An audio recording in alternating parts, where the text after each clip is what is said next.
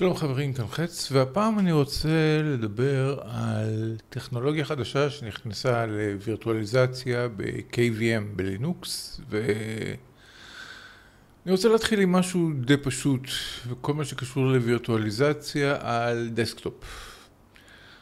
אז מה שקורה כיום ב desktop, בדרך כלל המתחרים הם VirtualBox ו-VMware Workstation במובן היותר אמ, מקצועי נקרא לזה ככה.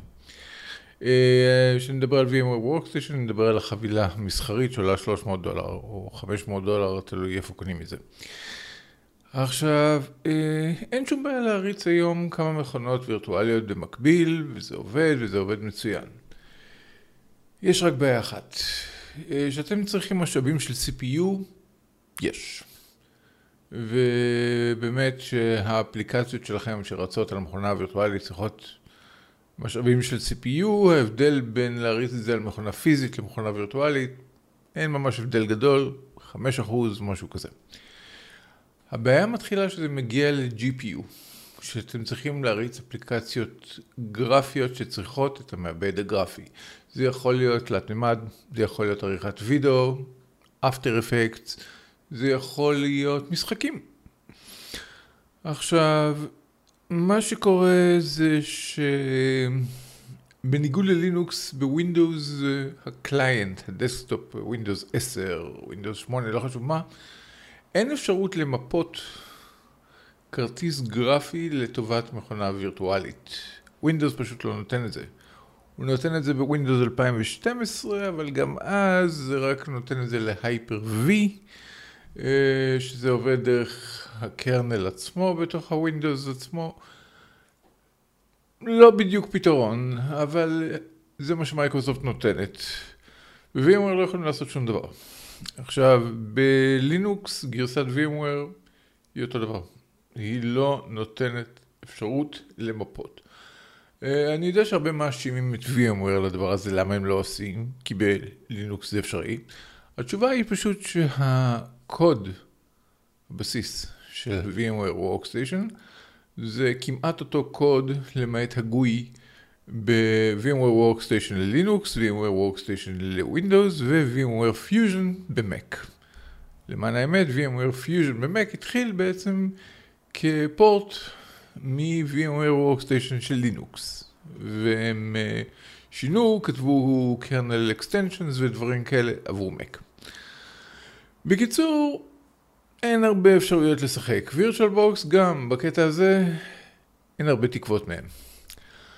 עכשיו, אה, בלינוקס יש לעומת זאת את אה, KVM, ויש גם את Xen, אבל כשזה מגיע ל desktop הרבה יותר מסתכלים לכיוון KVM בגלל שיש תוכנות ידידותיות כמו GNOME Boxes ו virtualizer ועוד כמה תוכנות שנותנות בעצם GUI כזה ל-KVM שהוא מאוד מורכב.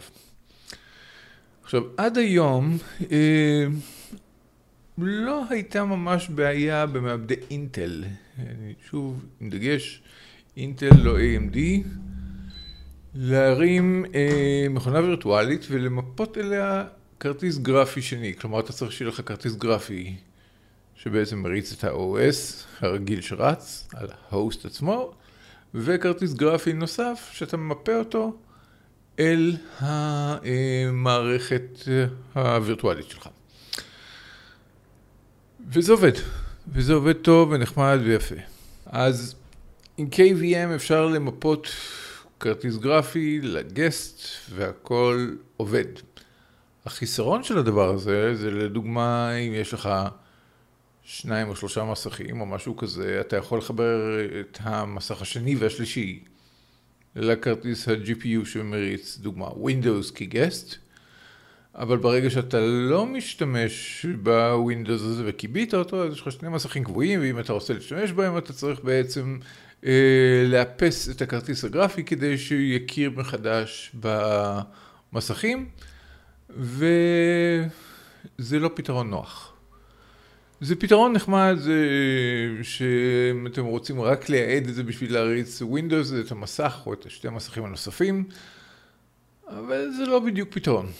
עכשיו, בימים האחרונים יש פיתוח חדש שהוא עדיין לא יצא, שעשו כל מיני האקינג ל-KVM, לכל מיני פרוטוקולים בתוך QMU שבעצם מריץ את KVM, שמה שהוא עושה הוא פשוט אה, מרנדר את הגרפיקה על ה-GPU השני, כלומר אנחנו עדיין צריכים כרטיס GPU נוסף, והוא מעתיק את זה אל הזיכרון הרגיל במערכת, במכונה הפיזית.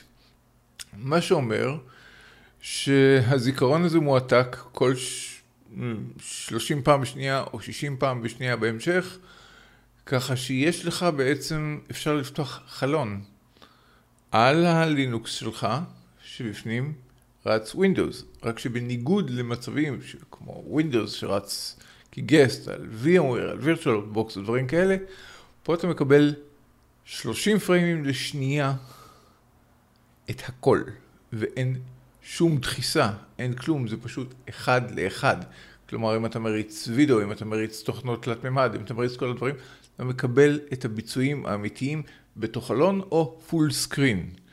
כלומר, טכנית, אתה בעצם יכול להשתמש לך בלי לנתק לך שום מסך, אתה יכול להשתמש לך במסך אחד ולהריץ לך את הווינדוס ואת הלינוקס וכל הדברים ולקבל את הביצועים המלאים. בלי כל מיני חיתוכים, בגלל שמדובר על העתקה של אה, זיכרון, כאילו אזור בזיכרון, אז אה, מה שקורה זה, זה נעשה בחומרה, אז אין לטנסי. אה, הלטנסי שיש כרגע מדובר על משהו כמו אה, אחד מילי שנייה, משהו כזה. כלומר, ממש פחות מפריים. וזה עובד לא רע, עדיין יש לזה המון באגים, תקלות, דברים כאלה, אבל זה פרויקט שכולה נכתב בערך כמה שבועות או חודשים ספורים. אז העניין עצמו, שזה משהו מאוד מעניין, שעדיין לא קיים. עכשיו, אני לא מנסה להשוות את זה למצב של שרתים, כי בשרתים אה, אתה יכול להריץ ESXi ואתה יכול למפות כרטיס גרפי ב-VMware ESXi ואתה יכול למפות אה, כמדומני גם ב-Hyper-V, אבל אה, לא יודע, לא, לא שיחקתי עם זה יותר מדי בקטע הזה. אבל עדיין, גם כשאתה מפה, זה לא נותן מספיק. גם כשאתה מריצים לדוגמה הורייזון אה, בתוך אה, vSphere ודברים כאלה, הוא נותן לך desktop, וגם יש צ'יפים שעושים assist וכל הדברים האלה, כמו Teradici וכל החבר'ה האלה.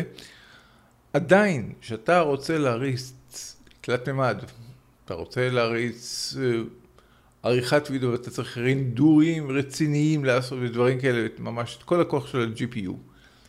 זה לא עובד טוב, בגלל שלדוגמה כיום, עם VMware, אם אתה רוצה להריץ כמה וכמה מכונות שיהיה להם GPU וכל הדברים, אתה צריך לקנות כרטיס כמו NVIDIA Grid K2, שהמחיר שלו הוא 2,000 דולר, ובתכלס מדובר על משהו שהוא משהו כמו um, GTX 760 או 770 או משהו כזה, זה מדובר על קפלר, כלומר שתי דורות אחורה, שאינווידיה מה שהם עושים פשוט הם לוקחים את הזיכרון, ולא מדובר על כלומר בכרטיס GTX 1080 Ti יש לך הרבה יותר זיכרון מאשר בכרטיס הגריד הזה, והם חותכים אותו לשמונה חתיכות, ובעצם מצמידים כל uh, חתיכה למכונה וירטואלית, כלומר גם אם אתה מריץ ואתה צריך ממש עיבוד וכל הדברים, לא תקבל משהו, מי יודע מה. אז אה, מתי יצא הדבר הזה, ומתי אי אפשר להשתמש בדברים האלה? אני מתאר לעצמי שבחודשים הקרובים, חודשיים שלושה הקרובים, אני מתאר לעצמי שיצא איזה משהו.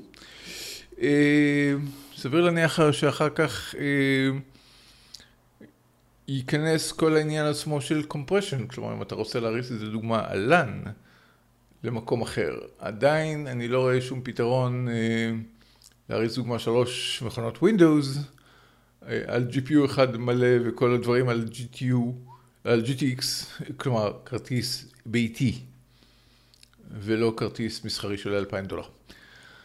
אז אה, זה העדכון להפעם. תודה רבה. אתם מוזמנים לעשות subscribe כדי לקבל עדכונים וחדשות.